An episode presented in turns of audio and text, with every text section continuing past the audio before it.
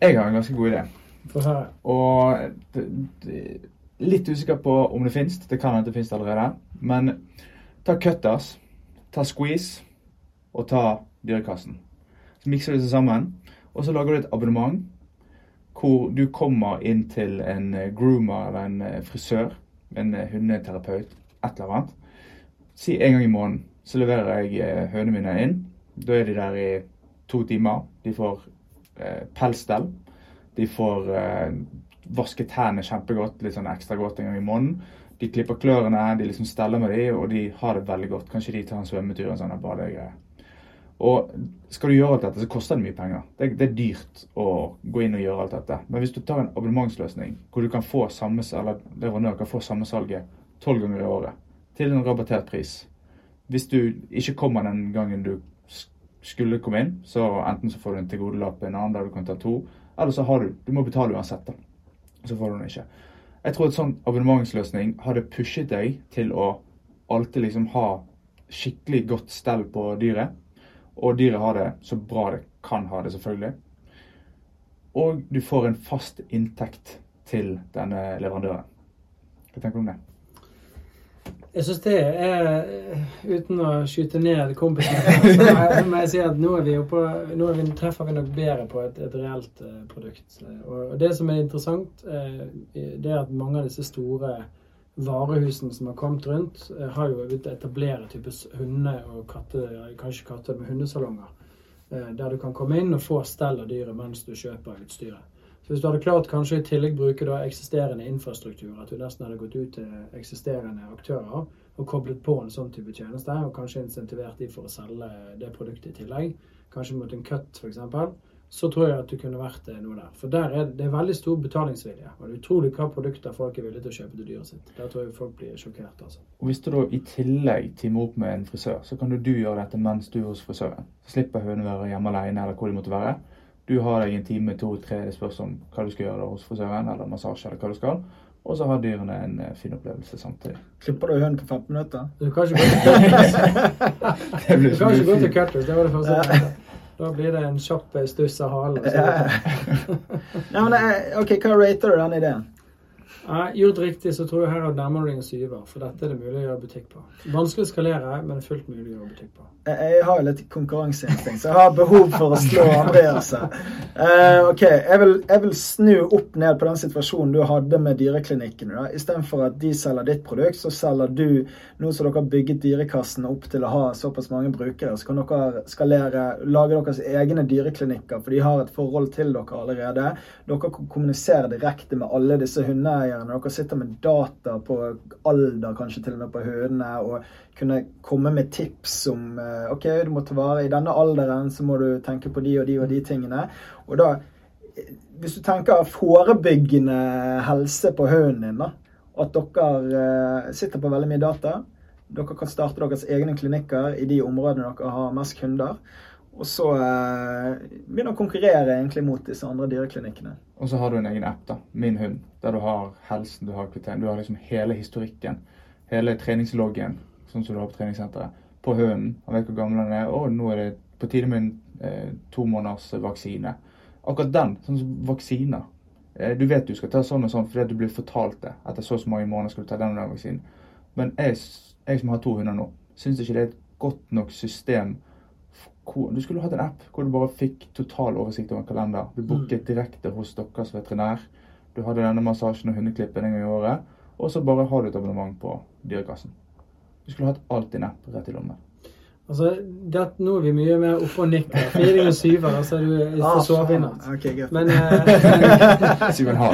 men, eh, men eh, alt dette fordrer en viss skala. Sant? For at vi tenkte mye sånt, og vi var ute og snakket med forsikringsselskaper om å selge dyreforsikring Ja. og osv. Men du må lage et business case på det. Du må sitte ned og regne på det. Og da må du se på hvor mange kunder du har, og så må du regne ca. hvor mange av de kommer til å kjøpe den dyreforsikringen. Og så må du tenke på hvor mye sitter du igjen med det, og hvor mye sitter forsikringsselskapet igjen med det.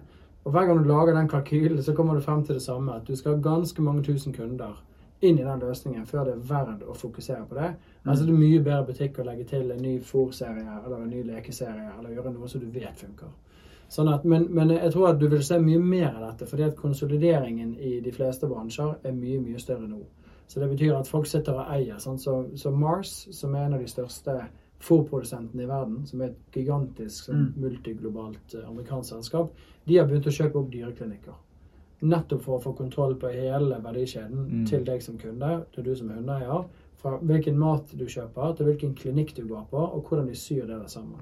Så det er på vei, Ja. alt sammen. Så her må dere være tidlig ute hvis dere skal, eh, skal gjøre noe. Og da har du gjerne så Si en hund lever 10-15 år. Da har du 10-15 år med salg på alt de gjør. Alle pengene de skal bruke på hunden eller katten eller hamsteret, havner inne i, i deres lomme. da.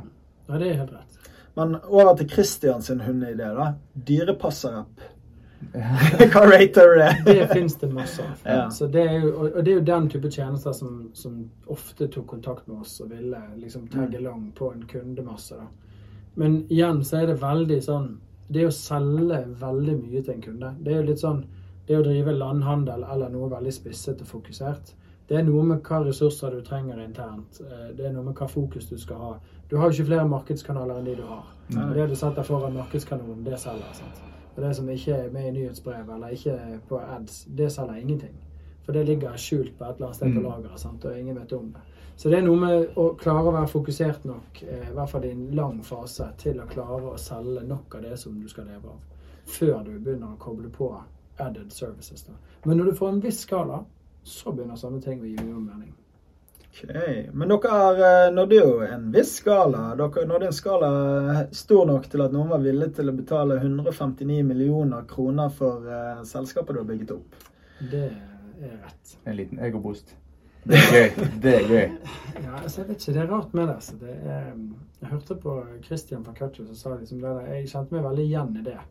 At vi hadde, jeg hadde jobbet med transaksjonen veldig veldig lenge ut mot felleskjøpet. Og det er masse behind the scenes der som på en måte ikke er selvfølgeligheter. Mm. Så i det øyeblikket vi fikk inn Felleskjøpet som, som, eh, som eh, eier For først kjøpte de 34 så etter hvert så forsvant liksom toppsjefen i Felleskjøpet. Han, han ble byttet ut. sant? Og da har du liksom et 18 milliarder selskap uten en toppsjef som skal sitte og peile ut kurs frem i tid. Det er ikke en enkel øvelse. Og I hvert fall ikke når du er en liten startup inni det store systemet. Det er litt som å være en fotballspiller som akkurat har blitt kjøpt, og så får du inn en ny trener. Og så er bare sånn Er jeg med i planene til denne her Det, eh, det, er, det er akkurat sånn du kan tenke det. Det er en god Ja. eh, beskrivelse. Sånn, Sånn at vi, vi visste jo ikke helt hvordan det kom til å gå. da. Men hvordan startet dere den eh, reisen, det salget, med de 34 uh, Jeg tok kontakt med viseadministrerende direktør og så sa jeg til han du, vi er sykt gode på e-handel. Dere har butikker over hele Norge og hele Sverige, og dere har en mye større innkjøpsmakt. Vi kan representere den digitale tilstedeværelsen som dere ikke har bygget opp selv. Og her er det en synergi som er helt sinnssykt god. Hva svar får man uh, da? Ingen liksom? verdens ting. Nei, ok. Og så, men jeg henger jo på folk til de svarer. Om det tar 17 ganger eller 3 ganger eller én gang, det finner jeg stort sett ut av. Men, eh, men du kan ikke gi deg. sant? Så jeg bare hang på han til jeg fikk tak i han. Og så koblet jeg meg med retail-sjefen, han som var sjef for hele retail-divisjonen. Så var det en Mm. divisjon på 5,5 milliard, så det er ganske store systemer, dette. Over til Lillestrøm og presentere oss og tankene, og det var jo veldig god match veldig tidlig. der man bare sa Mm. sånn, Dette passer veldig godt sammen. Eh, Og vi trengte jo først og fremst innkjøpskraft og innkjøpsmarginer, altså bedre betingelser for å selge produktet. Og det var det vi håpet å få med Felleskjøpet. sant? Og det, det fikk vi også til, en, til dels. Eh, Og de har jo også mye butikk i Sverige. De har jo noe som heter Grandgården, som er type 100 butikker i Sverige, tilsvarende strukturen de har med Felleskjøpet i Norge.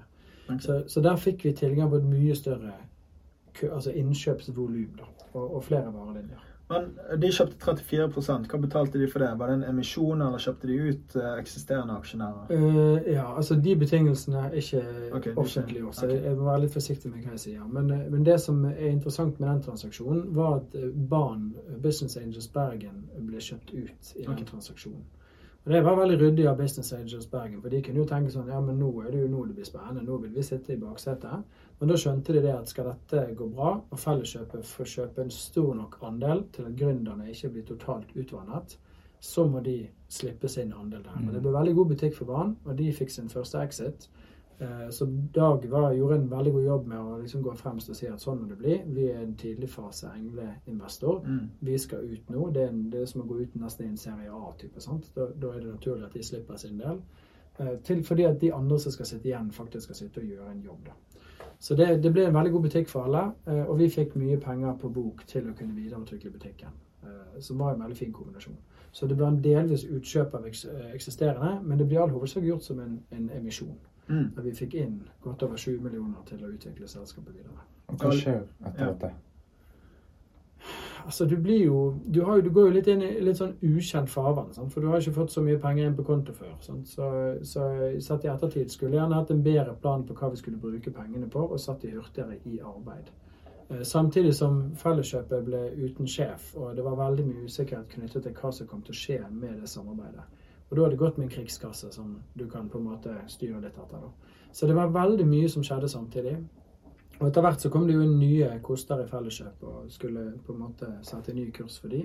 Retail er en veldig stor del av Felleskjøpet. Står for mye av omsetning og veldig mye av resultatet. Som er med å finansiere mye av den andre virksomheten som går ut mot bøndene.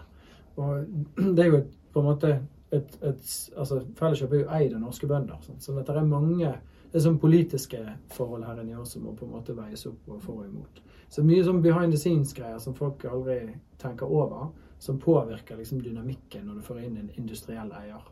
Eh, Og det er veldig stor forskjell på å få en industriell eier kontra liksom en WC eller et oppkjøpsfond eller noen som utelukkende skal utvikle virksomheten din.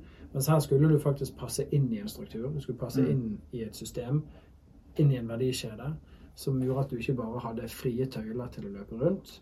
Eh, Så det var en veldig sånn tett dialog med sentrale folk i Felleskjøpet på hvordan gjør vi dette på en sånn måte at det blir en god butikk og god kundeopplevelse der for alle parter. Ja, for det er jo ofte noe som uh, ikke matcher. Det er jo corporate og startup-mentalitet og Ja. forventninger til hverandre. Hvordan har man eh, forventningsavklaring uh, innenfor uh, retningen videre liksom, når slik, en slik investering skjer? Nei, det, det, det, her er veldig gode spørsmål. Fordi at eh, når du får inn en sånn type eier som det, så gjør det jo noe med på en måte hele Hele på en måte Hva skal vi si Hele tilværelsen din blir veldig endret. Eh, og du må ta mye mer hensyn. Sant? Når du er en startup, så er det vekst og marked og kunde som gjelder. Og så får du inn nye eiere som har sine behov og vil ha deg med på ting. Og det er masse som skjer. Så, men jeg har jobbet veldig mye med på en måte den B2B-siden. Så jeg har jobbet masse ut mot Ta, ta Posten og Bring. Vi, Mm. vi jobbet jo med Når vi kjørte rundt i egne biler, så var det jo ikke hjemlevering i Norge. Det fantes ikke. Det var liksom 70% levering via Posten sin bedriftsrigg i 2016-2017. Så det fantes ikke. Så i dag tar vi for gitt at hjemlevering har vært der Mm. hele veien, men i realiteten så er det et ganske nytt konsept. Og Da flydde vi over til Oslo, og så tok vi møte med noen ganske høyt oppe i systemet på Posten. Og det er kanskje en av de tingene som jeg var god på. da, Det å få med meg den type store partnere som har lyst til å investere i oss. da. Mm. Så da fikk vi med oss Posten og Bring, og vi satt og spiste middag med Tone Ville, som, eh, som var sjef i Posten. Og vi jobbet med de som satt og utviklet hele liksom, hjemleveringsriggen for Norge. Så det å liksom posisjonere seg inn i sånne systemer, det har jeg eh, litt, heldigvis litt erfaring med. Så vi fant liksom ut en måte å jobbe med Felleskjøpet på som, som ga mening. Men det var ganske komplisert når de eide 34% var litt sånn retningsløse på hvem som skulle lede selskapet, og hvordan fremtiden så ut. Og vi sitter der sånn Hva gjør vi nå? Mm. Eh, og så kom jo plutselig covid. Sant? Så vi bare OK. Det, vi var jo heldigvis da Vi hadde investert masse i å lage selskapet skalerbart. Så vi hadde jo bygget for en mye større skala enn den vi hadde når covid inntraff. Så selv om vi fikk en enorm økning i salget, altså det var jo mange 100 vekst i det daglige salget, det gikk rett til værs, så sendte jeg bare alle på hjemmekontor. Og så ledet vi selskapet fra avstand, og så var alle systemene operasjonelle for det. da. Mm. Så vi klarte å takle det covid-kjøret veldig veldig godt. da. Mens alle andre Noen var uheldige og gikk ned. Vi hadde den, i motsetning til Cutters, da, som fikk en trøkk, Ja, ja. så fikk vi en voldsom boost. Mm. Og da fikk vi en veldig sånn fin posisjon også overfor eh, for Felleskjøpet, der de skjønte det at her kan de rute mye av salget digitalt via Dyrekassen. Ja, for det var liksom det som var triggeren for de da. Det var jo at ok, de fikk salgsstart på en måte. Og så eh, kommer dere som eh, er størst i eh, bransjen, eller eh, innenfor den nisjen dere er, da. Og så for at de skal få distribusjon, så må de gå via dere i den vanskelige perioden som kom med covid, kanskje. Faktisk ikke helt. Fordi Ok. at, eh, men det, det kunne vært et scenario. Jeg Ok. enig i det. Men det som skjedde, var at fordi at alle var hjemme i husene sine, og det var vår Men covid Mm. kom i mars 2020, sant? så det var, det var liksom på veien i en vårsesong, Og det er den viktigste sesongen for Felleskjøpet. Og hva gjør alle når du er låst inne i huset? Jo, da skal du i hvert fall lukke dere hagen og hjemmet. sant? Så de fikk en enorm salgsvekst inn i den fasen der. Eh, Så det ble en veldig, sånn, det ble en veldig god eh, dynamikk med Felleskjøpet når både vi og de hadde en salgsvekst. Jeg tror nesten det hadde vært en hodepine hvis det var motsatt. For da hadde Felleskjøpet hatt så store hodepiner internt at den lille myggen på siden hadde ikke fått noen oppmerksomhet. Mm. Men fordi at dette ble litt sånn alignet, da, så ble det faktisk en veldig sånn positiv eh, Og de ville kjøpe egentlig den kompetansen dere satt med innenfor netthandel, da, og ta det litt innabords. Er det derfor de ønsket Ja, det, men så var de jo ikke gode på nett. sant? Så, Nei. så felleskjøpet.no og grangården.se var jo ikke i nærheten sånn konkurransemessig. Verken på produktsortiment eller på know-howen på å selge på nett osv. Så, videre. Så det vi gjorde, var å komme inn med et liksom, optimalisert produktsortiment på type 7000-8000 artikler, så de kunne begynne å selge. mm. Eh, Og så kunne de reforhandle avtaler med leverandørene og ta produkter inn i butikker og liksom få opptrykket på alt sammen. Så, og det, det var veldig på en måte mye gode planer på det. Eh, og så bestemte de seg for å på en måte integrere lageret og hele verdikjeden til vår butikk. Vi hadde jo et gigantisk lager ute i Arna på 1200 kvadrat med Ja. 10 meter under taket. Sant? Var det ble- 3PL? Nei, det var vårt eget. Okay. Og der var det liksom ti ansatte. Sant? Så det var en ganske stor uh, butikk der ute. Så integrerte de hele lageret og logistikken og innkjøp og alt inn i Felleskjøpet. Uh, og der var det veldig mye utfordringer med at systemene som Felleskjøpet og Grandgården drev på, det var systemer som var ganske tungrodde. Sånn at det å gjøre de integrasjonene og få dataene til å flyte på en sånn måte som vi var vant til, det var veldig komplisert å få til. Så dette var liksom ikke Shopify-integrasjoner mot en 3PL som tar ti minutter. Dette, var, dette var ganske tunge prosesser som gjerne tok seks måneder å få liksom virkelig på plass. Så vi fikk mye problemer da i driften, der vi ikke fikk varer inn på lager, og det var masse støy i forbindelse med det. Hvor mange var dere i Dyrekasten på dette tidspunktet? der? For det, covid var jo eksponentiell vekst for dere. sant? Og eh, Ja. noen venner som ja, 20 millioner i omsetning. sant? Eh, Hadde 10 millioner ca. året før.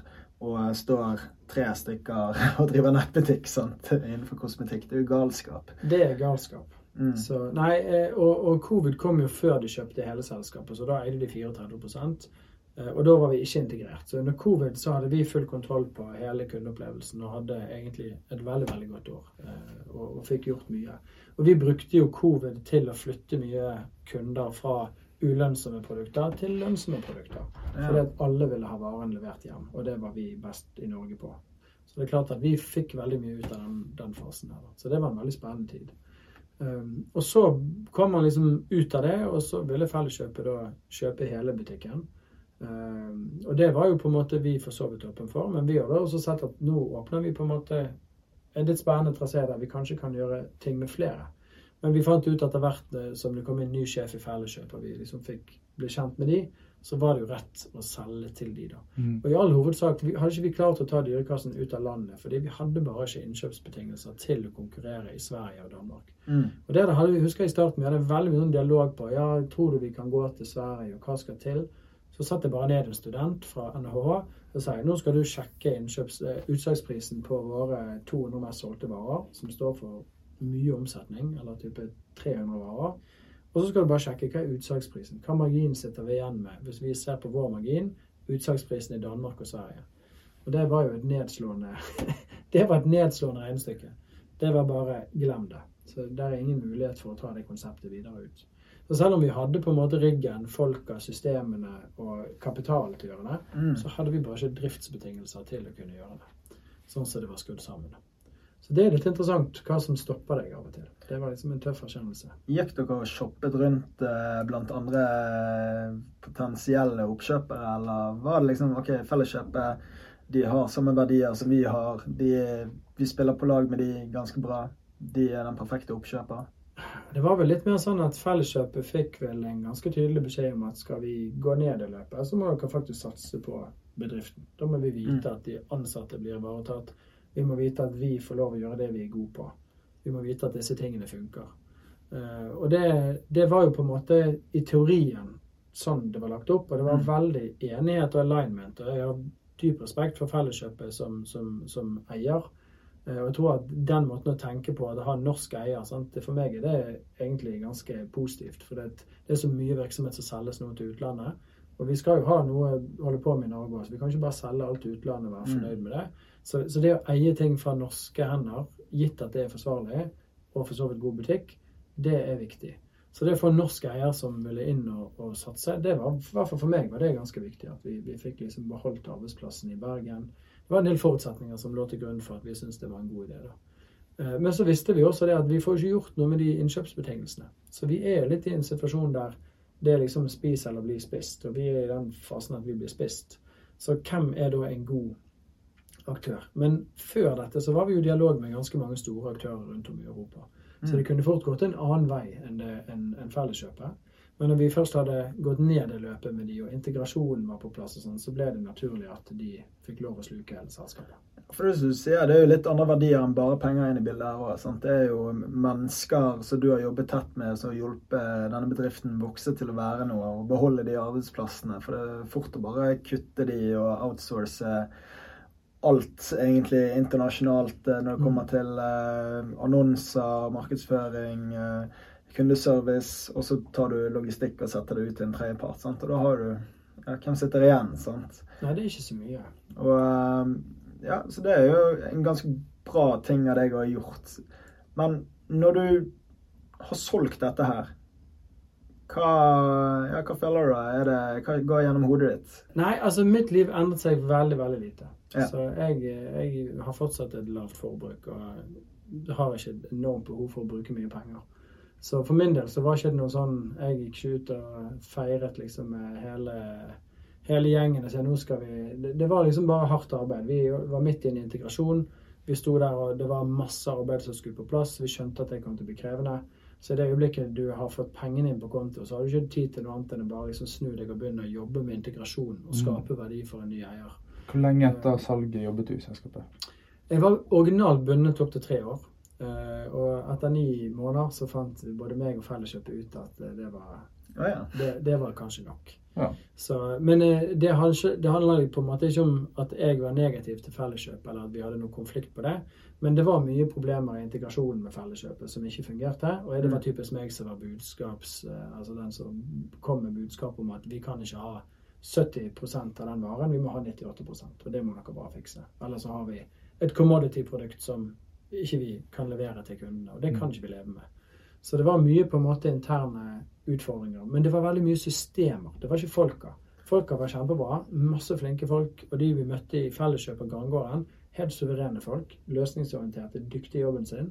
Men det var masse underliggende systemer som gjorde det komplisert å få dette til å flyte da, i en verdikjede. Men når, dere, når du gikk etter ni måneder, gikk det utover din eh, earn-out-periode da? At, eh, Nei, det fikk jeg en avtale på. Ok. At eh, det, det må jeg eh, nesten ha. Her, ba- bare signer her. Kom deg til helvete tror jeg. og da gikk du videre til noe som het Iglo og var daglig Ja. der, sant? Um, og det er jo litt sånn, altså Jeg er jo ikke bygget for å sitte i ro. Sånn jeg, det, om jeg hadde hatt aldri så mye penger, så hadde ikke jeg sittet meg ned og tatt pause. Det er liksom ikke interessant. Så det å reise på fem uker ferie, det hadde jo blitt gal etter tre dager. sånn. Så jeg, jeg er bare ikke skrudd sammen sånn.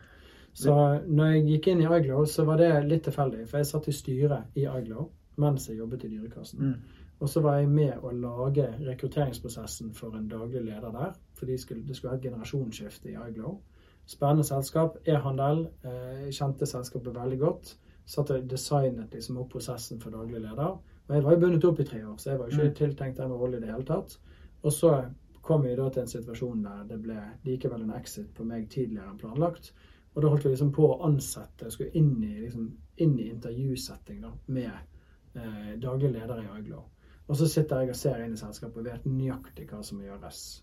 Og er tilfeldigvis ledig på markedet. Så det var litt tilfeldig at det Mm. ble sånn. Men du går litt inn i sånne selskaper du har passion for. sant? Eh, Du har aldri lyst på dyr. Sminke er noe som eh, går Kan heller ingenting. Ja, ja. Bare sånn.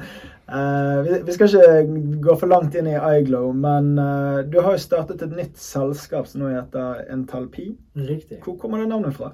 Ja, Det er et godt spørsmål også. Mye gode spørsmål her i dag. Eh, og der, der er forhåpentligvis gode svar på det også. Ja.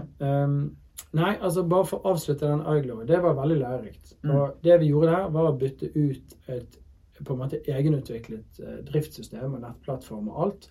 Med Shopify, med Mm. helt nye systemer for alt. Så det var en full turnaround. Vi bygget en ny produktportefølje med masse spennende produkter eh, for å på en måte bygge ut det til en mer direct to consumer-aktør i markedet.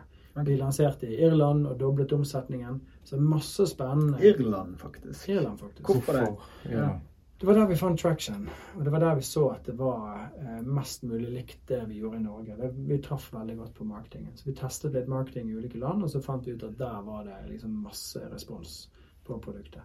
Så da doblet vi nesten omsetningen med å lansere i Irland. Men var det egenproduserte produkter? Ja. Ok, da, da Det gir det mening.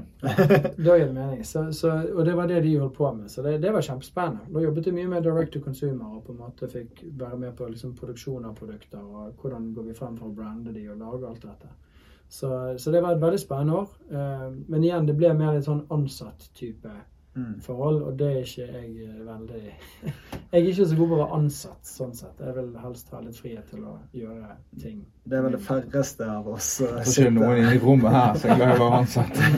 Så jeg, jeg trives kanskje bedre som konsulent. da, For Mm. da var jeg på en måte i en fri, relativt fri rolle og kunne jobbe med folk. Mm. Mens det å være ansatt under noen andre, det er kanskje ikke Og det var vel kanskje det jeg kom frem med med felleskjøpere også, at jeg er, ikke, jeg er ikke best på det. Det finnes andre som skal inn og drifte dette nå i et nytt, en ny rigg, som vil gjøre en bedre jobb enn meg. Og Mm. det må man ha respekt for. Og da forlater du e-commerce-bransjen og går inn i tech-bransjen. Rett og slett. Hva, liksom, når du allerede har blitt en stjerne innenfor dette her, hvorfor, hvorfor velger du å bytte over til en helt ny bransje?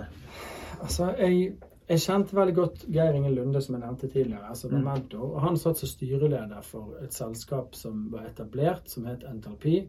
Eh, og det de skulle gjøre, eh, var å ta en, en treningsmetode som er utviklet av Olav Aleksanderbu, som jeg har blitt veldig godt kjent med. Som er da hovedtreneren til Christian Blummenfelt og Gustav Iden. Som er da blitt verdens fremste triatleter. Og det som vi har funnet ut, veldig enkelt, eh, og det er da jeg begynner å synes ting er interessant, når det kommer noen sånne gigantiske trender som jeg bare vet at de der kommer til å slå til. Tenk hvis vi Mm. kan ta en liten posisjon på den stjernehimmelen. Så fant vi ut at folk har massevis av data tilgjengelig når de trener. Sant? Du, har, du har alt fra klokken, du har gjerne en, et pulsbånd, du har gjerne en wattmåler på skoene. Så det finnes masse sensorer som samler inn masse data.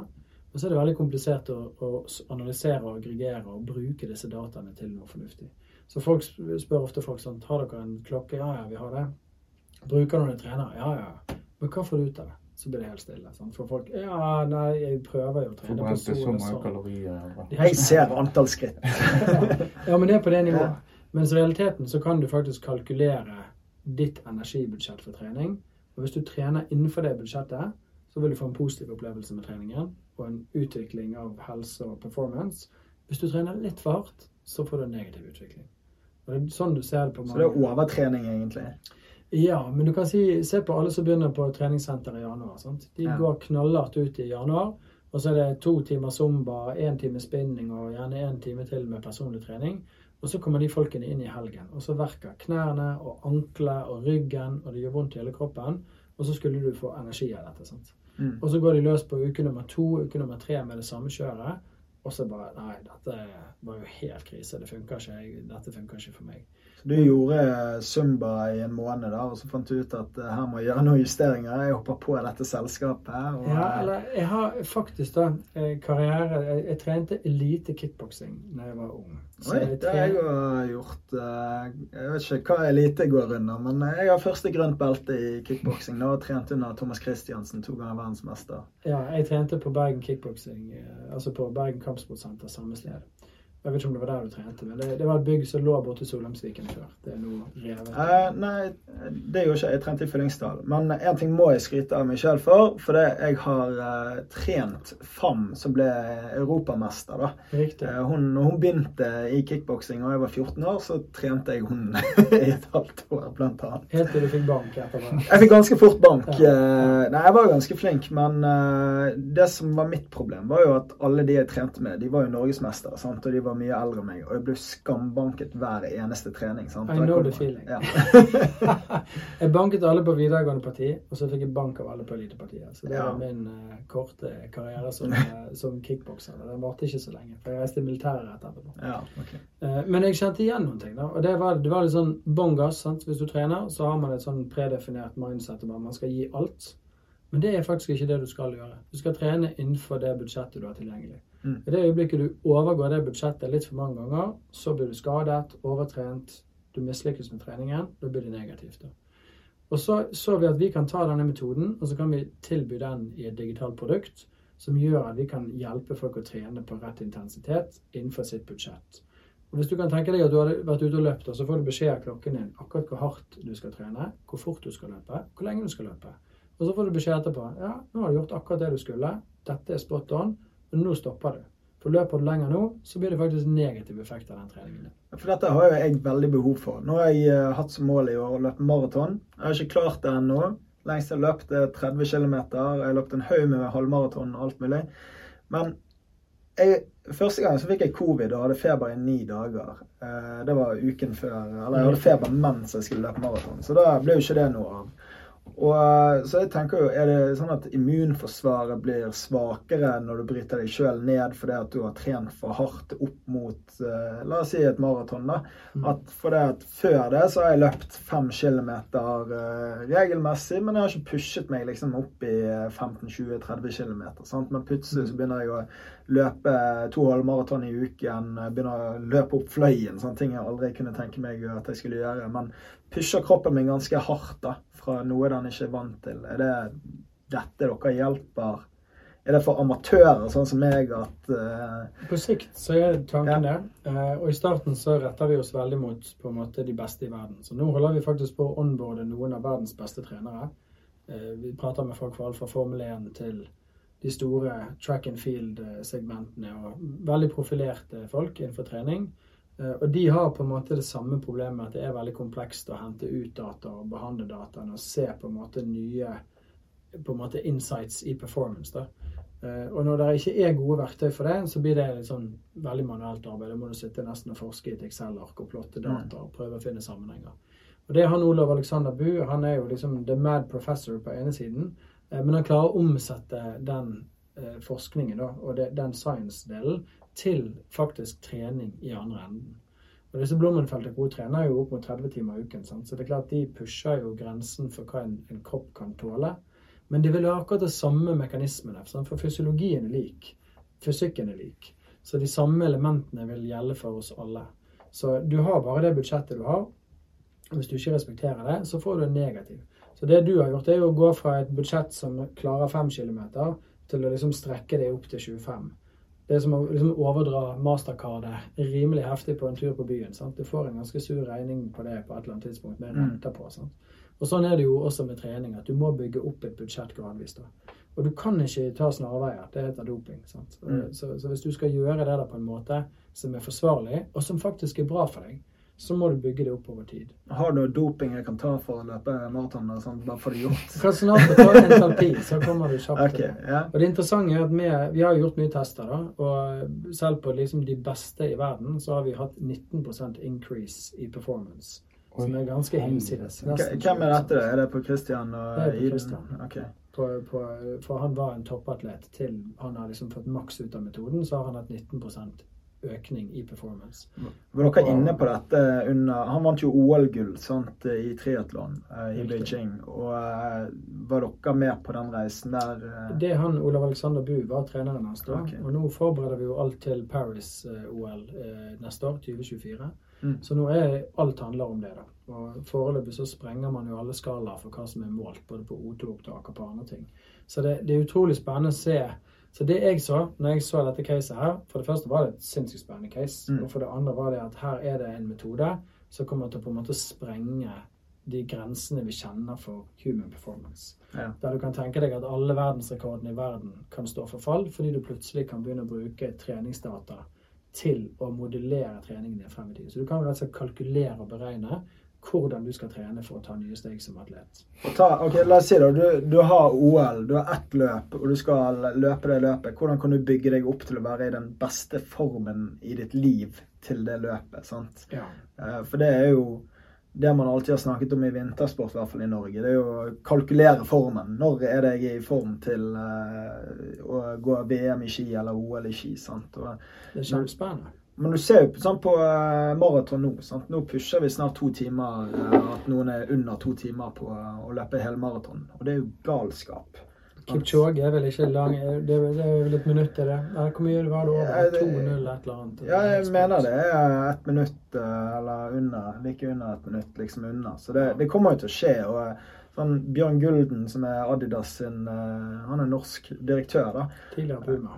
Ja, tidligere Puma har vært der, men uh, han, ja, han er veldig fascinerende. Jeg har han på eh, LinkedIn og Facebook, så Ja. uh, han legger ut alle mulige Hver gang det er maraton, så er det OK, her er det Adidas-skoene da, som uh, vinner. sant? Ref Gulden. Da kom jeg på hva podkasten til oljefondsjefen heter. Den heter In Great Company. Og han Ja. har en episode med Bjørn Gulden. har den. Jeg, jeg har lyst, jeg har som mål å ha med Bjørn Gulden her, da. Ja, men det er fint, så jeg, jeg sendte ham noen meldinger, liksom, men jeg har noen innganger til Tangen nå, så vi, vi får se. Jeg, jeg, Vent til vi har kommet litt lenger med entalpi, så får vi en ja, ja. Men det, for å avslutte det, altså det, det som er sinnssykt spennende med entalpi nå, det er at det har kommet noe som heter AI, som dere har også fortalt om hvordan dere bruker det for å optimere podkasten her i kveld. Så, og det har jo også gitt et helt nytt på en måte, potensial for den løsningen. Så Mm. det vi gjør nå, er at vi tar den unike på en måte, forståelsen og modellen og teknologien for fysiologi og for så vidt fysikk, da, eh, som vi bruker for å modellere human performance. Og så kommer vi til å bygge et lag med, med type ChatGPT på toppen, som gjør at hvem som helst kan bruke produktet. Og Da kan du sitte og bruke dine, ditt språk og dine ord for å finne sammenhenger i din performance. Og så kommer vi til å trene den modellen på verdens beste utøvere og trenere. Så du tar den beste kompetansen på fysiologi og fysikk innenfor performance inn, og så vil vi kunne finne de samme sammenhengene for hvem som helst. Så Det betyr at vi kan finne ut hvordan du skal endre steget ditt når du løper. og Vi kan finne ut hvordan du skal bygge opp budsjettet ditt, hva intensitet du skal trene på. Og Det blir en game changer for trening. Men hvordan samler dere den dataen? Du har masse sensorer. og I utgangspunktet trenger du bare en klokke for, for å komme i gang. Du må ha Ok. eh, GPS Du trenger bare GPS-en, for å komme i gang. og da måler du hvordan jeg løper. Ja, du får masse data ut av, eh, ut av de dataene. Jeg kan ikke gå inn nøyaktig på hvordan okay. det funker, for da måtte jeg ta livet av etterpå. Men, eh, men, ja, vi kan gjøre det òg. men du kan si at det, vi, vi, vi har en, en såkalt multidimensional metode, Mm. som betyr at vi går inn og måler mye dypere. Så vi måler flere kontaktpunkter uh, i, i din fysiologiske profil når du trener. I motsetning til det som finnes i dag. Det finnes mange typer sånn AI-coaches osv., men de er stort sett endimensjonale. Mm. Det vil si at de måler på litt den samme måten. Og det blir bare ikke nøyaktig nok. For da kan du ha samme på en måte, Det kalles FTP, da, som er ofte en sånn standard måte å måle det på. Men da kan du være en sprinter, og du kan være en langdistanseløper. Og fordi dere har den samme FTP-en, som er Functional Threshold Power, så vil dere få omtrent samme treningsprogram ut hvis dere har like mye tid i uken til å trene. Mens dere vil respondere helt ulikt på den generiske måten å trene på. Kanskje ingen av dere responderer på den. Mens her vil du få et treningsprogram som er skreddersydd for din fysiologiske profil og for dine forutsetninger for trening. Så det som skjer nå med AI, er at du får en, en regnekraft og en, en, en, kraft til å se sammenhenger i dataene som bare overgår alt du har sett før. Og når du har en unik modell i bunn, og du har da AI på toppen, som gjør at dette kan tilgjengeliggjøres for alle, så kan du få på en måte eh, egentlig uh, ChatGPT slash OpenAI for health and performance. Vil, det- kjapp. Vil denne være, funke for styrkeløft òg? På sikt. På sikt. Så Ja. kan du bruke det for det meste. Så du dere av personlig trener? Ja, det blir jo en klink, superflink, perfekt personlig trener i lommen. Ja, Men så er det jo mye psykologi i trening. sant? Så vi har ingen ambisjon om å erstatte treneren. Vi skal ikke lage et verktøy som hiver treneren bort, men vi skal supercharge treneren. Som alle AI. Bruker du dette verktøyet, så kommer du til å bli mye bedre, og du blir ikke replaced. Men hvis ikke, så kommer du til å bli replaced av de som bruker dette. Men du trenger fortsatt en trener som sitter med deg etter økten og ser at du har det bra. Eh, pepper deg opp, sant? jobber med psyken din og sørger for at ting fungerer. Men du frigjør jo masse tid som du ellers skal bruke på å analysere data og prøve å forstå, produsere treningsprogrammer kommer til å bli en automatisert oppgave. Så på samme måte som man, man fjerner mye arbeidsoppgaver i andre yrker, Mm. så vil du også kunne gjøre veldig mye av den jobben mye enklere. Istedenfor at man sitter og plotter inn tall og sitter og lager liksom manuelle ting i, i, i litt sånn tungvinte systemer, så får du på en måte et system som tar seg av all den kjedelige jobben, og så kan du som trener heller bruke tiden din på det som er viktig.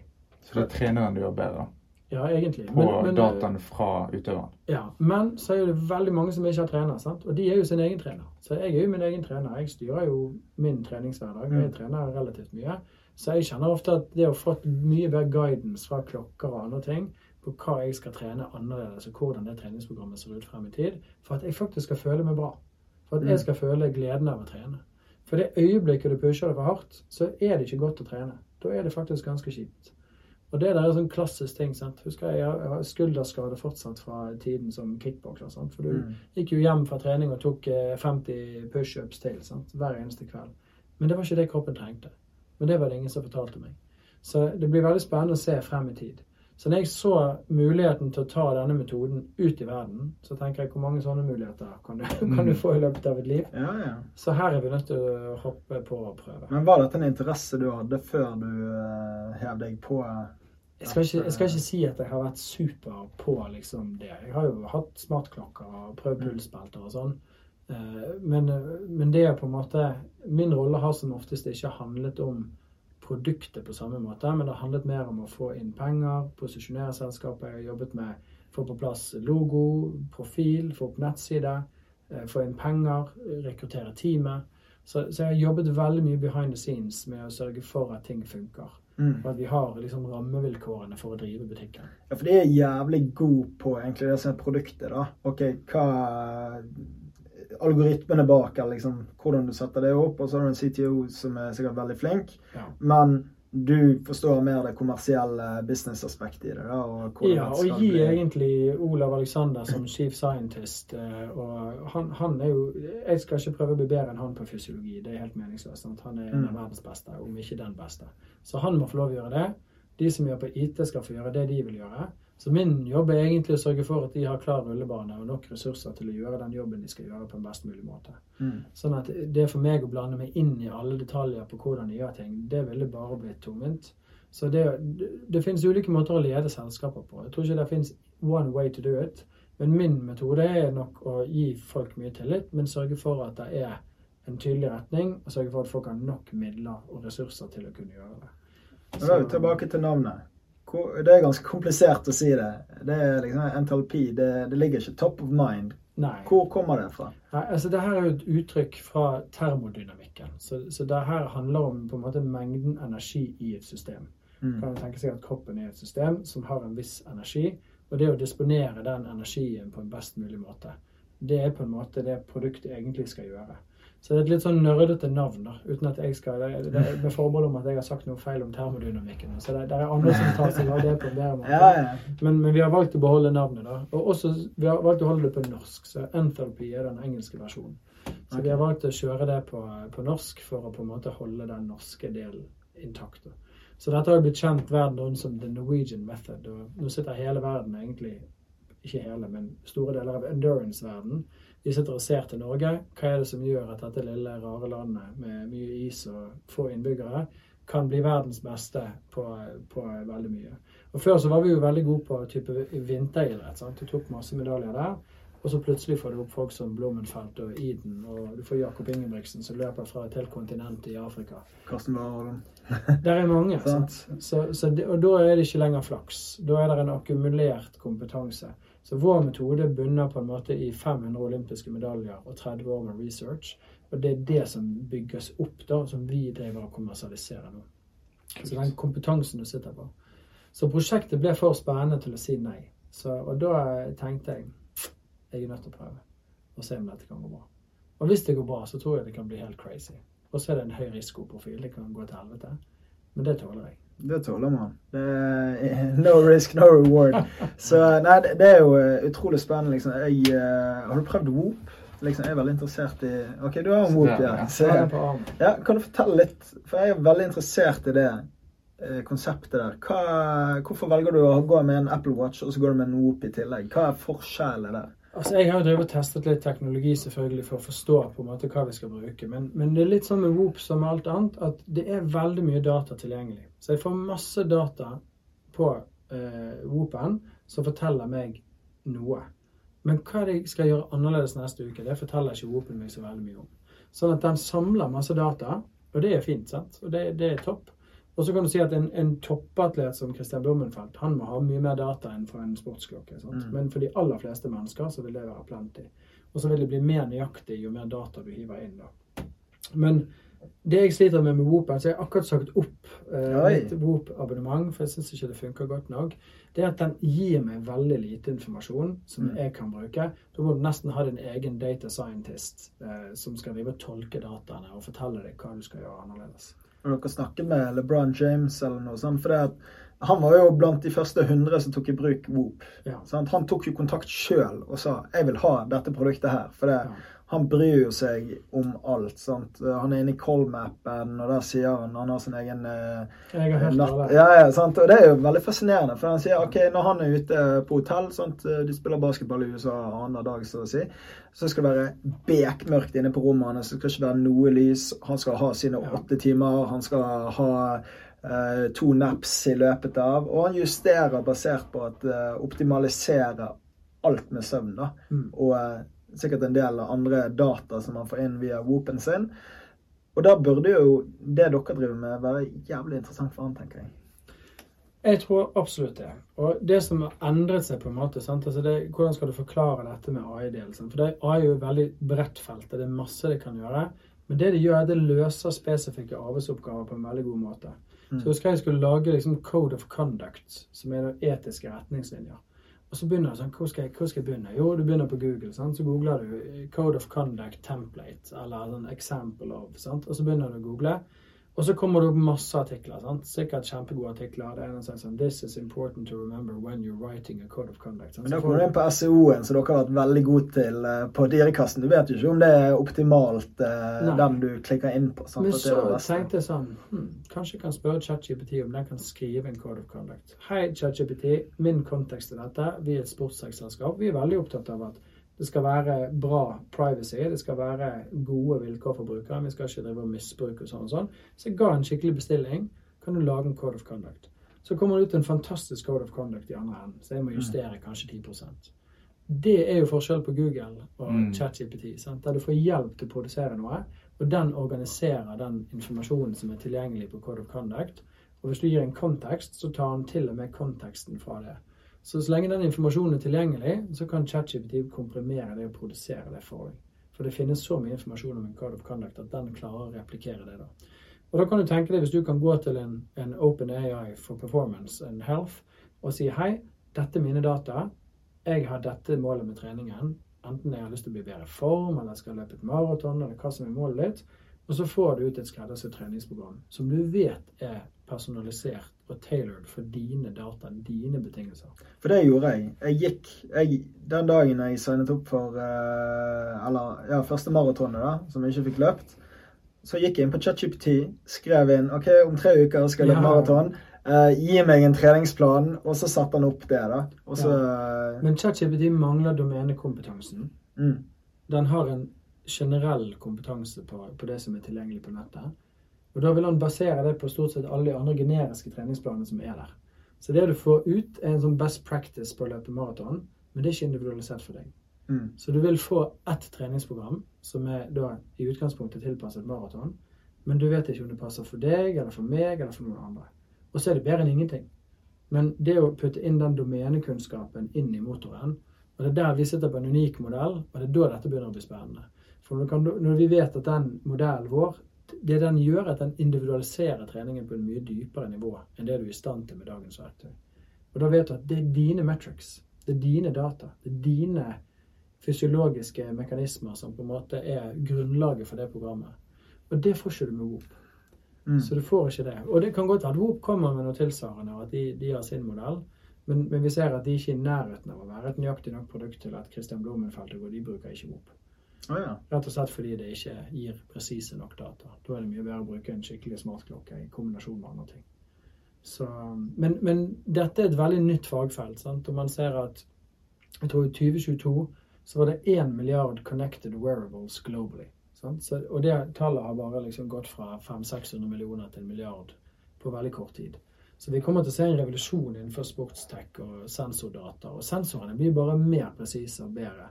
Og de kan måle mer og mer. Men de er fortsatt såkalt sånn non-invasive. Så det er ingen som stikker hull på huden og tar ut blod. Så derfor er fortsatt laktatmålinger i øret som Ingebrigtsen-gjengen og Blommenfeltet god bruker. For da måler du rett i kilden. Sant? Da får du en ferskest mulig måling. Men det skjer vanvittig mye spennende på sensorfronten. Så det kommer til å bli mye liksom biohacking og, og, den type ting frem i tid. Så da jeg skjønte at dette her kunne bli et produkt, så var jeg nødt til å prøve. Det er ganske fascinerende, og jeg gleder meg til å begynne å teste dette her. Hvis jeg får lov å være en pilotkunde, så gjør jeg gjerne det. Uh, har du noen tips til deg sjøl hvis du var 20 år igjen og du skulle starte på nytt? Det er en refleksjon å gjøre. Altså Det som har vært det aller viktigste for min del opp igjennom, sånn generelt, det er Vi var inne på ordet nettverk, da. Men det å omgi seg med flinke folk som på en måte utfordrer deg og strekker deg og på en måte hele veien gir deg motstand når det faktisk er fornuftig, da. Men mm. som også klarer liksom å porsjonere det ut sånn at du kan bruke det til noe. Så det å ha de flinke folka rundt seg, og det har jeg vært privilegert og hatt på en måte alltid. Og så har jeg kanskje vært flink da, til å ta liksom, kontakt med folk og, og, gjøre ting. Så har jeg vært uredd i forhold til at jeg har, liksom, jeg har gått løs på ting. da så har jeg nok kanskje litt eh, Jeg hørte han Christian fra Cuthus her, han bekymrer seg ikke så mye, og det gjør ikke jeg heller. Så det er litt sånn autist på det. sant? Sover godt om mm. vi går konk om en uke. Jeg bare vet at jeg må gjøre den jobben som skal til for å fikse det. Men da må jeg ha bra folk rundt meg. Ja. Så det er ikke nok at jeg gjør jobben. Så jeg er hele veien avhengig av veldig mye flinke folk. Så i Dyrekassen, i NTLP, i iGlow, i alle casene, så har det vært, og for så vidt konsulentkarrieren, masse flinke folk rundt meg som jeg kunne lære av, spørre med, bruke til å lære og forstå.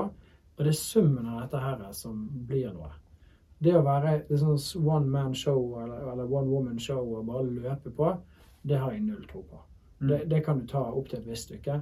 Men det å utvide på en måte circle of influence og nettverket sitt til å bli folk som du kan ringe i ulike sammenhenger. Så når du har et problem innenfor noe, så vet jeg at da kan jeg ringe Geir Inge for det, eller jeg kan ringe Johan for det. Sant? Han driver med lederutvikling. Han kan hjelpe meg. Jeg står i en skinkig HR-situasjon. Han kan alltid hjelpe meg. Jeg vet han har et svar. Mm. Eh, så det å ha de her folka rundt deg som du kan bruke, det er liksom det mest verdifulle eh, du kan ha. Så Dyrekassen har typisk sånn eksempel. Hele økosystemet i Bergen, fra VIS til DNB, når Erlend Våler som driver Startup Lab, han mm. sitter ansatt hos DNB på det tidspunktet det var så mange som dro oss fremover og ville oss vel, og stemte oss frem i konkurranser. og Vi vant priser, og vi fikk støtte fra banken, og Innovasjon Norge var med. Og det var summen av det som ble bra. Det var mm. liksom ikke denne ene geniale gründeren som sitter der og bare Men det, jeg tror et stikkord inni der er jo å være ydmyk nok, ydmyk nok til å spørre om hjelp. da. Og tørre ja, å være idioten i rommet og uh, spørre folk som du vet er smartere enn deg innenfor det feltet, om hjelp. da. Ja, det tror jeg er veldig godt, eh, det er godt oppsummert. Å klare liksom være Tørre å være coachable, og selv om du går hardt ut, og det gjør jo jeg ofte sant? Så, type Geir Inge er en fyr som jeg ofte kan være dundrende uenig med. Altså, jeg får tenkt meg om og roet meg litt ned, så ah, han har jo rett likevel. Faen, får ringe han og si det. Men da er det viktig å gjøre det. sant? Å si du, sorry, jeg oppførte meg som en idiot, eller jeg tok feil, eller Jeg er faktisk uenig fortsatt, og vi må diskutere dette mer. Men det å gå tilbake og på en måte lufte ut underveis, da blir relasjonene gode, selv om mm. det går en kule varmt. Men det, det, å la seg være coachable, da. Være kritisk til ting. Ikke det jeg sier, at du ikke skal, du skal ikke sluke alt rått. Men det finnes mye flinke folk, og hvis du gidder å lytte, og du gidder å forstå deres perspektiv De har gjerne levd 20 år lenger enn deg. sant? De har mm. gått på trynet åtte ganger på samme problem. Kan være de har lært noe når de gjorde det.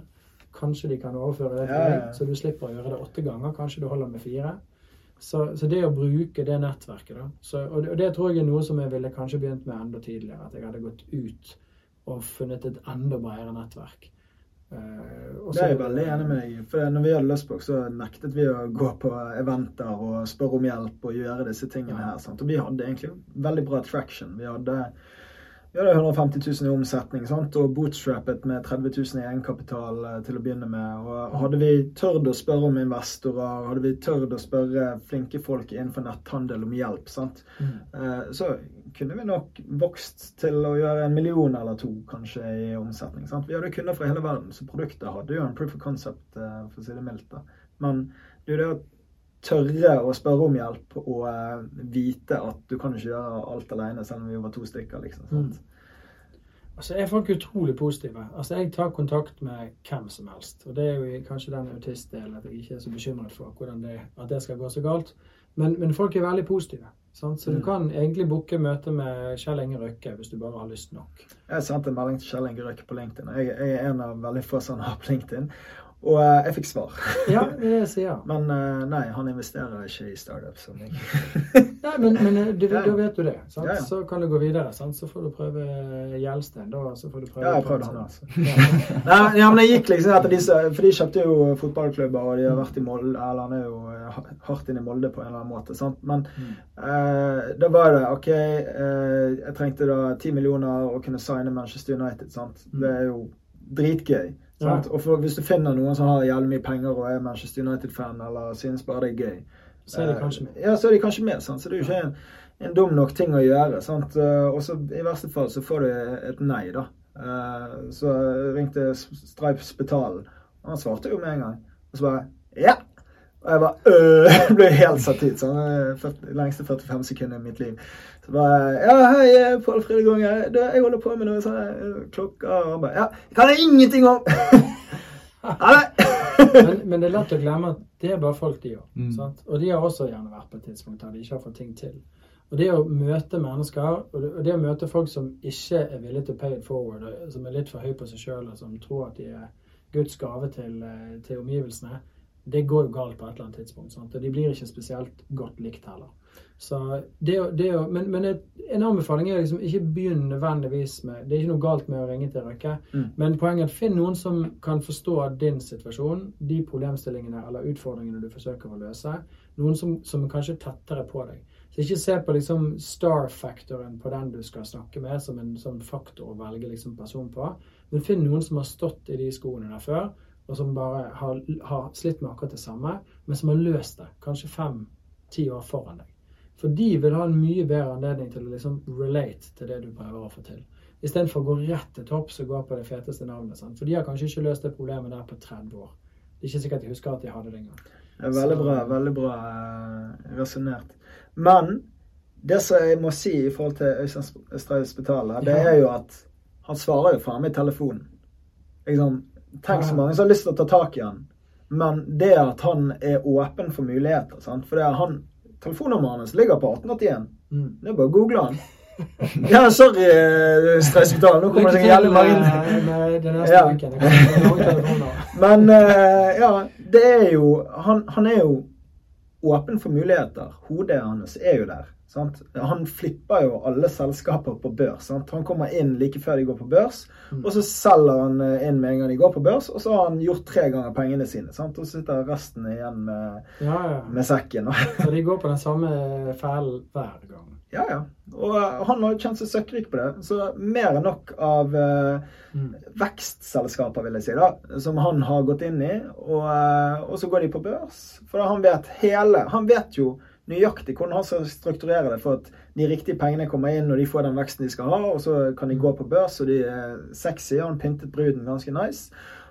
Og så har jo han kommet inn på en mye bedre prising, og så dumper han det på eh, mannen i gaten, da, som eh, sitter der og eh, Og leser DN og er forsmådd dagen. ja, egentlig bare lest hypen, sant? Ja. For det jeg, jeg har investert i GoPro, liksom, sant? og da har det jo falt 50% i pris, men det gikk jo ned 95 til etter jeg investerte. sant? Og det er jo Men igjen, da, skal du drive med aksjeinvesteringer, så ring en eller annen som vet sånne? Mm. Skal du drive nettbutikk, finn noen som har bygget nettbutikk før. Er det eiendom, finn noen som er rå på eiendom. Så finn noen som kan hjelpe deg å se ting som du på en måte ellers må kanskje bruke ti år på å forstå. For du har ikke tid til å bruke de ti årene. Sånn at, og vi, vi satt nå nettopp i møte med en, eh, en professor fra MIT som har vært inne i noen av de største sportstrekkselskapene. Og det var, kom fra Eitri, som er en kjempe sånn medisinsk inkubator oppe på Haukeland. mm, Torleif som har drevet den. Sant? Vi har hatt et godt samarbeid med han, kjempegod dialog med han. Han reiser til USA på et opplegg, og så tenker han at han der kan Roger snakke med. Det, så han lager en kobling. Og det at han tenker på meg når han er i USA, der han har sikkert hatt tusen andre ting å holde på med, that's the magic. sant? Mm. Og så tenker jeg på Torleif i andre sammenhenger, eller sender folk opp som kan sitte der når noen driver med Medtech. Så det der å på en måte tenke på å inkludere andre, hjelpe andre, pay it forward, ikke forvent noe retur. Og igjen for studenter, sant? det viktigste er hvis du kan lære å jobbe gratis, jobb på Rimi, da, eller det fins jo ikke Rimi, da, men jobb på Kiwi eller Coop for å tjene nok penger til at du kan betale husleien, så får du noen studielån. Men bruk de der andre dagene, eller den ene dagen du fester i helgen, på å lære det du holder på med. Jobb gratis for et advokatbyrå, jobb gratis for et konsulentbyrå.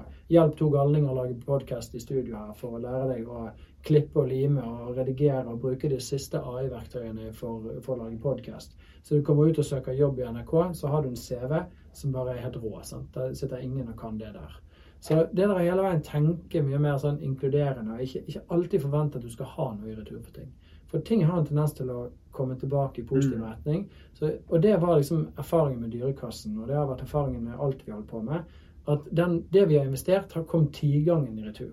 Uten at vi har hatt en, en, en ambisjon om det. Det har bare vært en mekanisme. Så vi har fått utrolig mye hjelp. Masse flinke folk som vil oss vel. Og det er det som er summen av at vi har fått det til. Og jeg tror det er det som gjør at vi fikk det til i forhold til veldig mange andre. Og så er det flaks, og så er det timing, og så er du litt dyktig, og så er det ditt, så er det datt. Så det er selvfølgelig elementer i dette, men mange av sammen med at det er nok mennesker som syns det du holder på med er bra og vil hjelpe deg. Da har du en tendens til å få stang inn istedenfor stang ut. Jeg tror vi avslutter det med stang inn og stang ut. Eh, setter utrolig stor pris på at eh, du tok eh, turen innom studio her, Roger. Vi har lært eh, veldig mye i dag. I hvert fall jeg som driver med netthandel. Jeg vet ikke om jeg Ja, Andreas. jeg også. Herregud, så gøy. Veldig kjekt å bli invitert. og Utrolig kult at dere satser på podkast og begynner å samle miljøet litt i Bergen. For det tror jeg er lett for oss som har vært med en stund, å glemme at vi faktisk kanskje er Det er behov for oss i andre settinger enn der vi er til daglig. Og det rykker oss litt ut av den dvalen? Og, og, og tvinger oss til å dele både historier og kunnskap og nettverk og alt. Det tror jeg vi har godt av. Og jeg tror det er veldig bra at, at dere tar det grepet. At dere ikke sitter og venter på noen. Mm. Så all ære til dere for å starte podkast om eh, gründerskap og business og annen galskap. Hvordan man blir rik. Om det er helse, endurance athletes, om det er penger, om det er frihet, om det er tid. Familie, relasjoner, nettverk. Vi, vi byr på det meste. Men eh, ja, vi setter veldig pris på at du lytter, og vi håper at du abonnerer. Vi er på YouTube, vi er på TikTok, vi er på Instagram, vi er på Spotify. Vi er der du hører på podkast. Takk for oss.